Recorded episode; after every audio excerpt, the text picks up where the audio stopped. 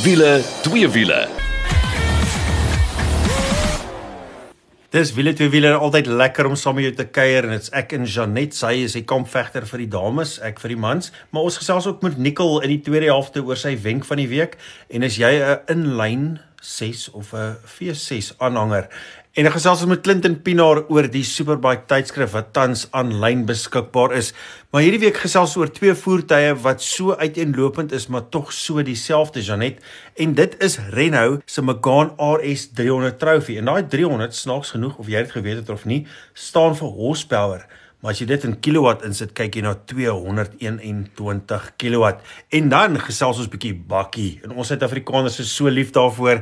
Ons gesels oor Volkswagen se Amarok V6, maar spesifiek 'n baie spesiale een en sy naam is die Amarok Canyon. Maar Kol, hoe's hulle so baie dieselfde? Ek verstaan nie. Hulle is altoe hoë werksverrigting voertuie. Die een is 'n uh, hatchback waarvoor ons Suid-Afrikaners baie lief is. Ek wil dink GTI, dink Megane, dink jou Opel OPC. So daar's heelwat van hulle op die mark en die ander een is bakkie. Lekker V6 krag, lieflik, lekker vakansie gaan, gemak. Maar o, al twee kan nogal jou hare op jou arm laat regop staan. Ja nee, okay. Ek wou net die verband tussen die twee gekry het, maar ja, kom ons spring weg by daai bakkie. Ek was oorspronklik by die bekendstelling van daai Amarok Canyon. Oh, wat 'n lieflike fenominale bakkie. Dis natuurlik daai 3 liter V6.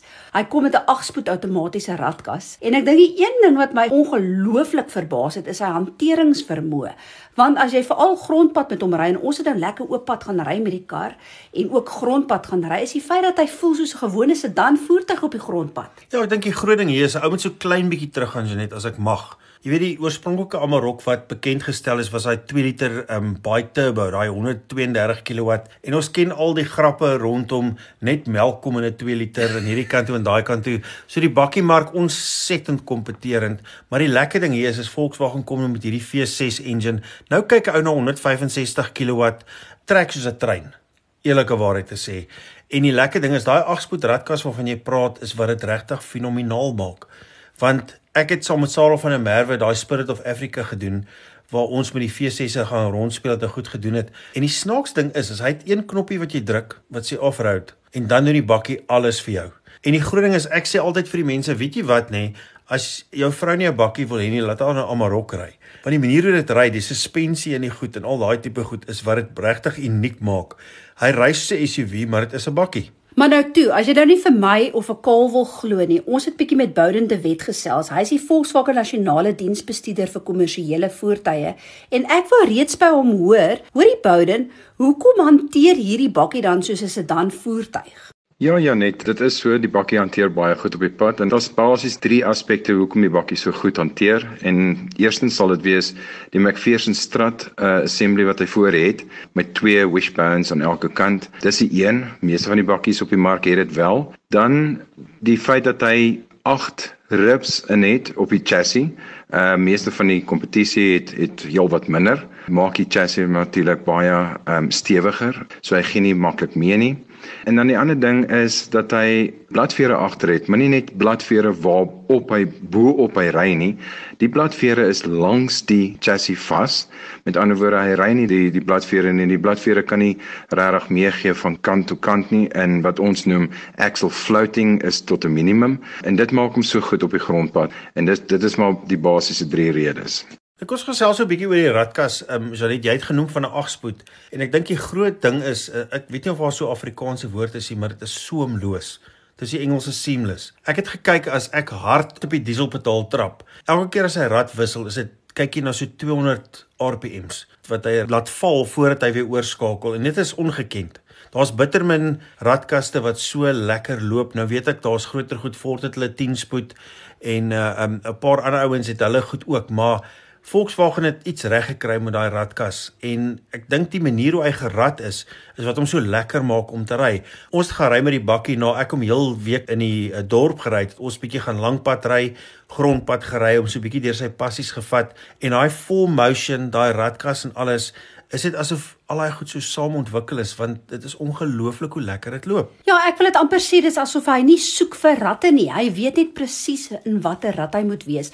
En ek het reeds vir Bouden gevra, verduidelik net vir ons die tegniese aspek rondom dit. Die hoofrede hoekom die motor altyd weet om watter rad te wees is die feit dat hy is een van die min radkaste wat op sy verskoon maar die Engels input shaft het hy 'n primêre shaft het hy 'n 'n sensor wat die hele tyd lees hoe vinnig hierdie input shaft draai. Nie net dit nie, hy weet dan volgens die motor wat in die of die engine wat in die in die voertuig is wat die engine se kraglewering kan wees teen daardie toere.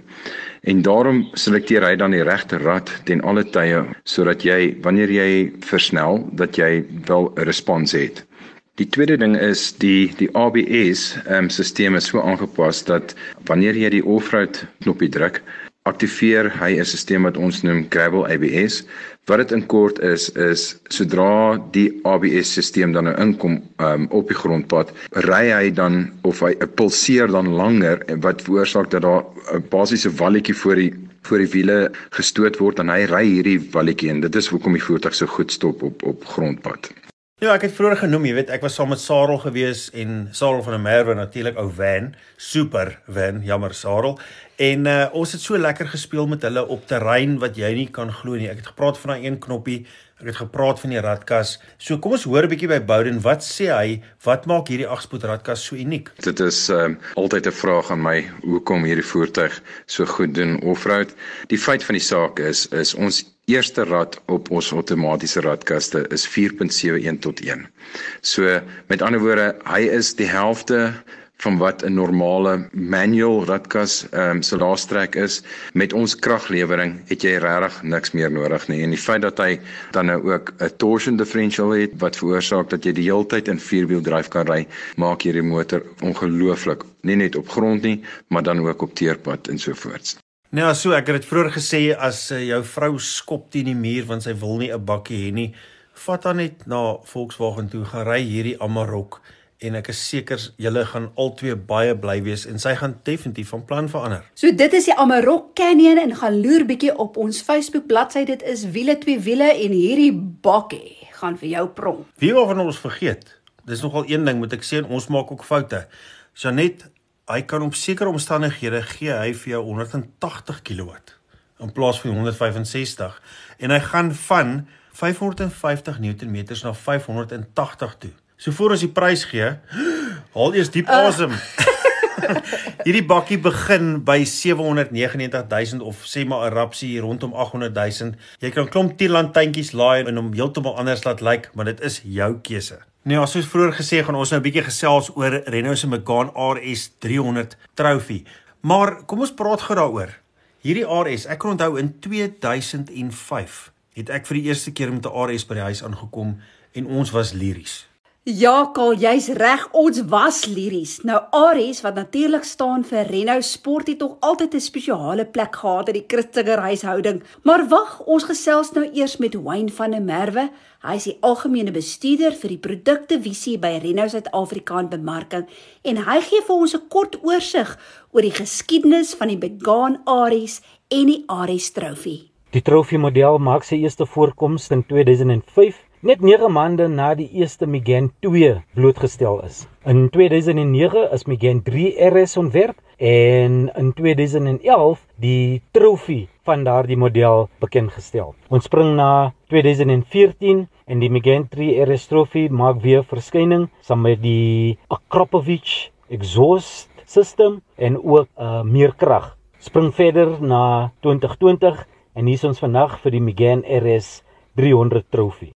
Ja, luister en as jy nie lekker weet nie en jy dink o, Renault, wat kom skien ons as Suid-Afrikaners, onthou net nee, hulle groot ontwikkeling het in Formule 1 gekom en hulle was baanbrekers. Ek bedoel ouens soos Ayrton Senna het met Formule 1 voertuie gery met Renault engines in baie suksesvol gewees en dit is waar die ontwikkeling vandaan kom. So as jy kyk na RS, kyk jy nie net na iets wat 'n uh, ander badge of iets agterop het nie. Hierdie is karre wat op die resiesbaan ontwikkel word. Ek wil jy kry die Ares Trophy. Dis waaroor ons nou praat. Dit is 'n divisie waarin die mense resies jaag en dis wat die kar so fenomenaal maak, van die onderstel tot die remme tot alles. En ons het nou die virtuele bekendstelling gehad van die nuwe Megane Ares 300 Trophy. Julle, ek kan net vir jou sê dat ek het hoendervel gehad net om na die fotos van hierdie kar te kyk. En ek wil vir jou net sommer begin om te sê, spit jou ore, daar is net 7 van hulle beskikbaar, maar hierdie kar gaan werklik eksklusief wees. So, Hy staan absoluut uit. Hy het baie sportiewe lyne. Ek bedoel dit 'n pragtige kar baie beter werksverrigting. Ek bedoel net as jy kyk na die syfers, skaal. Ja, as jy het ons nou gepraat van 300. Ek het dit aan die begin genoem, daai 300 staan vir perdekrag. Nou oor see weet ons, hulle is lief vir daai HP, daai horsepower, maar as jy dit oorsit in kilowatt wat ons Suid-Afrikaners beter ken, is 221 kilowatt. As jy die 6-spoed handrad koop, kyk jy na 400 Nm wrinkrag wat vir 'n 1.8 engine fenomenaal is. En daai EDC, dit is daai dubbelkoppelaar model, kyk jy na 420 Nm. Natuurlik is die hantering op hierdie Aries 300 Trophy fantasties, veral met sy full control tegnologie. En Wayne verduidelik hoekom die hantering so uitstekend is. Dit is nou die beste wat Renault het om te offer met Renault Sport in die vorm van die 300 Trophy, spesifieke stilering wat uitstaan. Dit kom met die Cup chassis Die Cup chassis hou die kar baie styf vas op die pad en dit kom met shock springs en uh, anti-roll bars wat 25%, 30% en 10% meer stywer is as jou gewone sport chassis. Direk van rally racing is die 4 hydraulic compression stops wat standaard kom in die trofee ook by. Dit gee jou baie meer um, hantering oor die kar, maar ook uh, 'n baie gerus en gemaklike dryf. Die Renault Tucson se limited slip differential is ook 'n nog 'n racy toerusting wat die beste krag lewer na die wiele en uh, dit verminder en beperk heeltemal wielspin. Dan is net om terug te kom na daai full control toe. As jy kyk na 'n stelsel waar al vier wiele letterlik stuur. Nou dis nou nie as jy net kar kyk en hy kom aangery dat al vier wiele in dieselfde rigting staan nie. Hulle help mekaar. En weer eens, gaan terug na die geskiedenis toe. As jy gewonder het oor die RS, gaan 'n bietjie in kyk waar kom Renault vandaan. Nou stuur is een ding, om te rem vir 'n draai is 'n ander ding en dis waar daai Brembo brieke inkom. Nou Brembo is fenomenaal of jy nou twee wiele ry of vier wiele ry.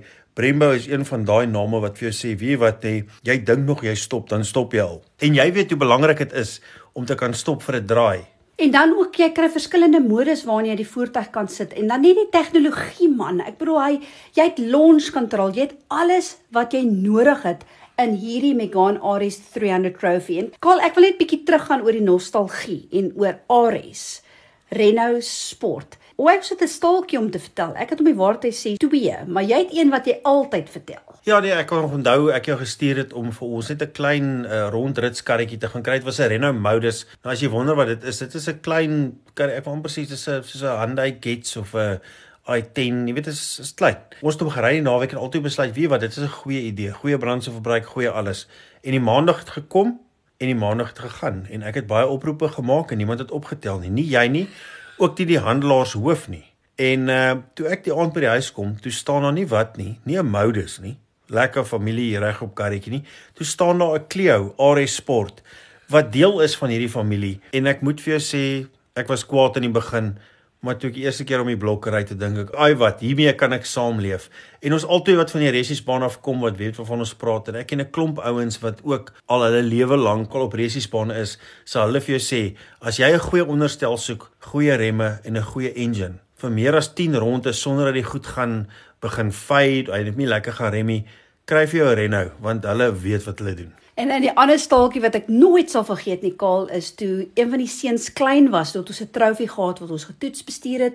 En een van die goed wat ek getoets het, is dat jy kon wel 'n stootwaandjie in die kattebak pas. So dis nog steeds die beste van twee wêrelde. Nou ons almal kry verskonings hoekom ons uh, hoë werkverrigting karre wil koop. Nou soos jy net gesê het, jy kry net sewe van hulle en jy gaan moet spring want uh, die twee modelle, dis natuurlik die handrat en dan die EDC wat hulle outomatiese of dubbel koppelaar weergawe is gaan jy kry. Die handrat gaan vir 775000 rand en daai EDC begin by net so onder die 800000 rand. So jy moet vinnig spring.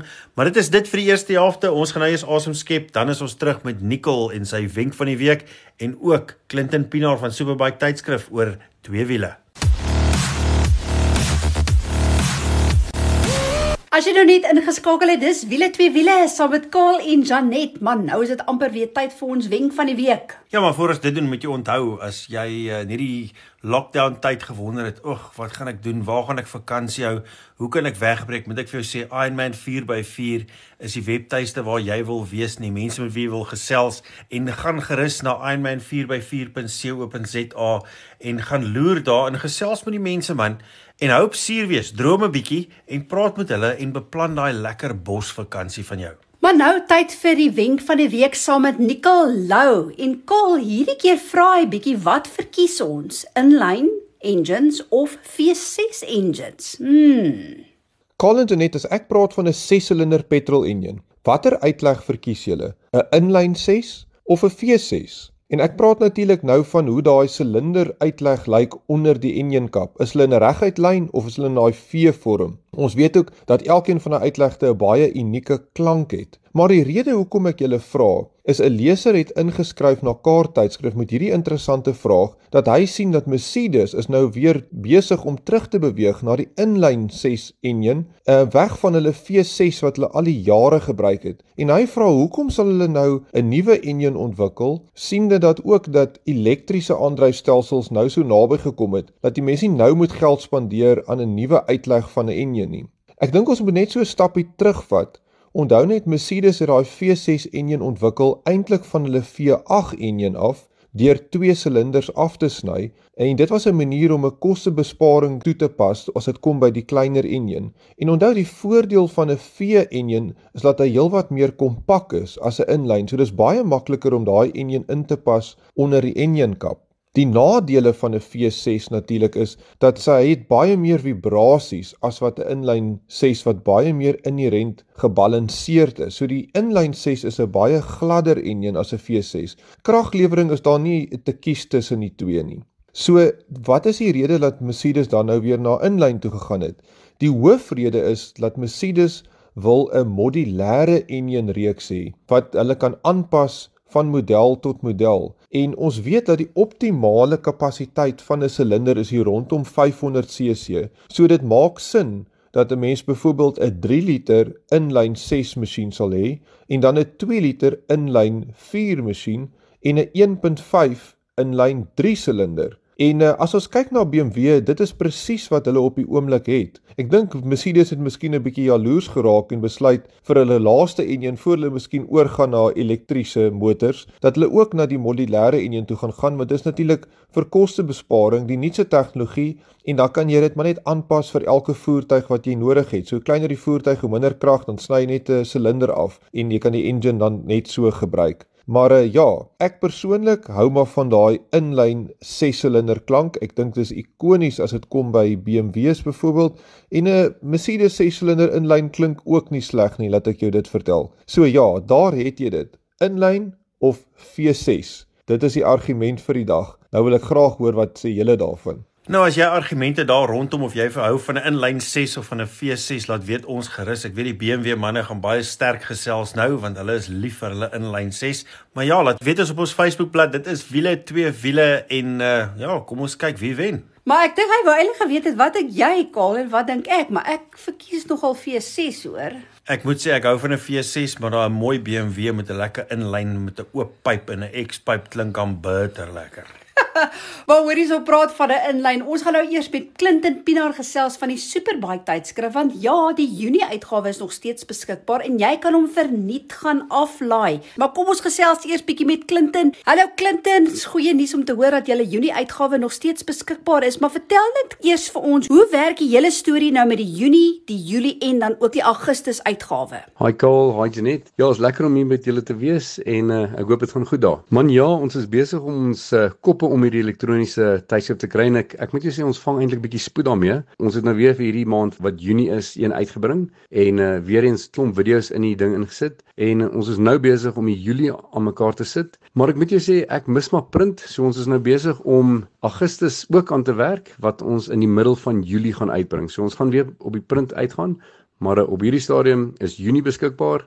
Julie gaan beskikbaar wees so in die begin van Julie en in die middel van Julie gaan die Augustus uitgawe op die rakke wees. Nou ja, Clinton, ons is verseker nog lekker honger vir twee wiele nuus. Wat is die nuus vir die Junie uitgawe wat nog beskikbaar is? Die nuus is nog interessant. Die MotoGP ouens het nou nog nie eens gery nie, maar die ouens het al reeds vir Jack Miller gesteel. Hy gaan na die offisiële span toe wat Petrucci los hou. Dit lyk my KTM wil vir Petrucci hê. Ons praat bietjie daaroor. Dan 007 die movies. Daar's 'n nuwe Strime Scrambler uit wat hulle in die 007 klere uitbring. Daar's net 'n sekere hoeveel dit uitkom. Fantastiese fiets. En dan hierdie COVID-19, dit stop nou hierdie festival van motoring. Hulle skuif dit na 2021 toe. En dan die maand van Junie is mos Isle of Man en so ons bring ietsie uit van die Isle of Man, maar dit is nog interessant. Ons het 5 video's waarop jy kan klik en dan kan jy so 'n bietjie die classics en die huidige goed na kyk. En dan net laastens Ou Magnus Olivier wat nou ook vasgevang is in Suid-Amerika, hy praat bietjie met ons oor wat klein maatskappye kan doen met hierdie hele social media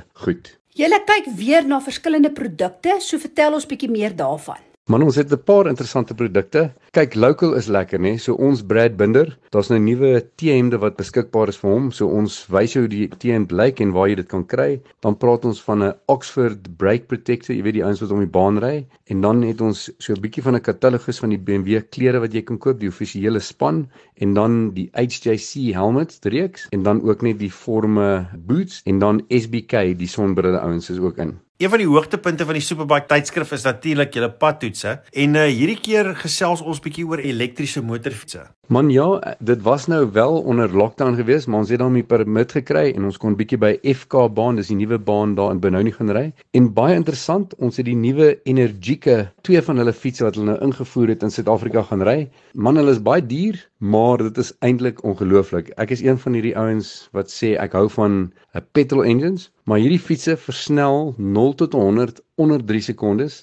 Hulle is gelimiteer tot op 200 km/h En uh, ons gaan in die toekoms gaan ons die Suid-Afrikaanse landspoed rekord probeer opstel met hierdie fietsse. Dis die offisiële fietsse wat hulle ry in die MotoGP, jy weet in daai elektriese reeks, maar uh, die ouens is besig om dit in te bring en ons het dit gaan toets en dis nog interessant wat ons gevind het. Julle het onder andere twee baie interessante ander padtoetse ook oor hierdie bioniese Triumph Rockets. Net voor lockdown het ons die geleentheid gehad om my twee groot Triumph Rockets te gaan ry. Ons het saam met Bruce, die hoofbaas van uh, Triumph, na die dam toe gery en uh, ons het die Rocket R gery en die Rocket GT. En uh 2.5 liter 3-silinder engines. Dis nog 'n ongelooflike motorfiets. Ek bedoel dis groter as meeste karre se engine op hierdie stadium. Maar vir Jan Alleman het julle ook gewone padtoetse. Vertel ons meer. Man ja, daar's nogal iets baie interessant. Suzuki Suid-Afrika het 'n Suzuki fiets van India af gekry en hulle noem hom die Gixxer 250 SF. Sy retailprys is R49000. Ek bedoel vir onder R50000 kry jy 'n fietsie wat ABS brieke het en ek moet jou sê, dis eintlik heel verbasend. Die fiets het eintlik lekker krag en hy lyk fantasties. Dit lyk soos 'n klein GSX-R 1000. So ek dink hulle gaan klomp van die goed verkoop.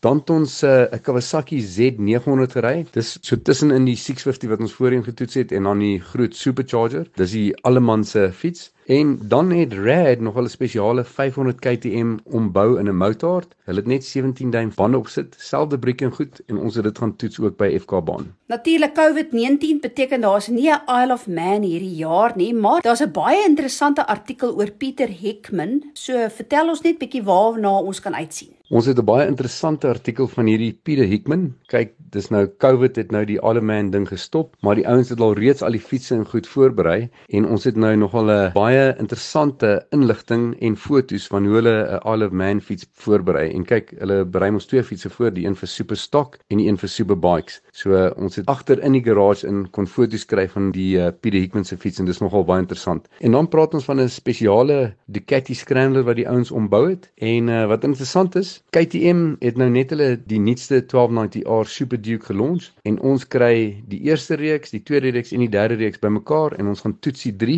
en ons vergelyk die 3 te mekaar. Janie Clinton dan het ons ook vier Suid-Afrikaanse ryers wat aan Amerika ry, maar julle gesels ook oor 'n 1995 klassieke motorfiets. Man ja, dis nogal baie interessant. Ons het vier jong ouens wat in Amerika groot naam maak vir hulle self. Hulle ry in die AMA. Dit word gesanksioneer deur uh, FIM en uh, dis Matthew Skolts, Cam Peterson, jy weet dis ou Dave Peterson en Robbie Peterson, dis deel van hulle familie. Dan het ons ouetjie Sam Lockhoff wat in die kleiner klas ry en Dominic Doyle wat besig is om groot naam vir hom te maak. So uh, ons praat oor daai ouens en dan net om af te sluit het ons so 'n ding oor die klassieke fietsse. Dis nou snaaks, nee, dis 1995, nou praat ons van klassiek maar ons doen 'n ding oor die Ducati 748 SP en dan in 1999 die Yamaha R6 waar hy begin het en waar hy nou eindig. Nou ja, toe, dit is alles wat jy nog kan aflaai vir die Superbike tydskrif. Dit is natuurlik die Junie uitgawe, alles aanlyn. En as jy wil weet waar, dis so maklik soos wiele twee wiele en ek gaan al daai inligting vir jou sit op ons Facebook bladsy. Dis al vir wiele twee wiele vir hierdie week. Ag, dankie dat jy saam met ons gekuier het. Tot volgende week toe. Hou daai wiele aan die rol.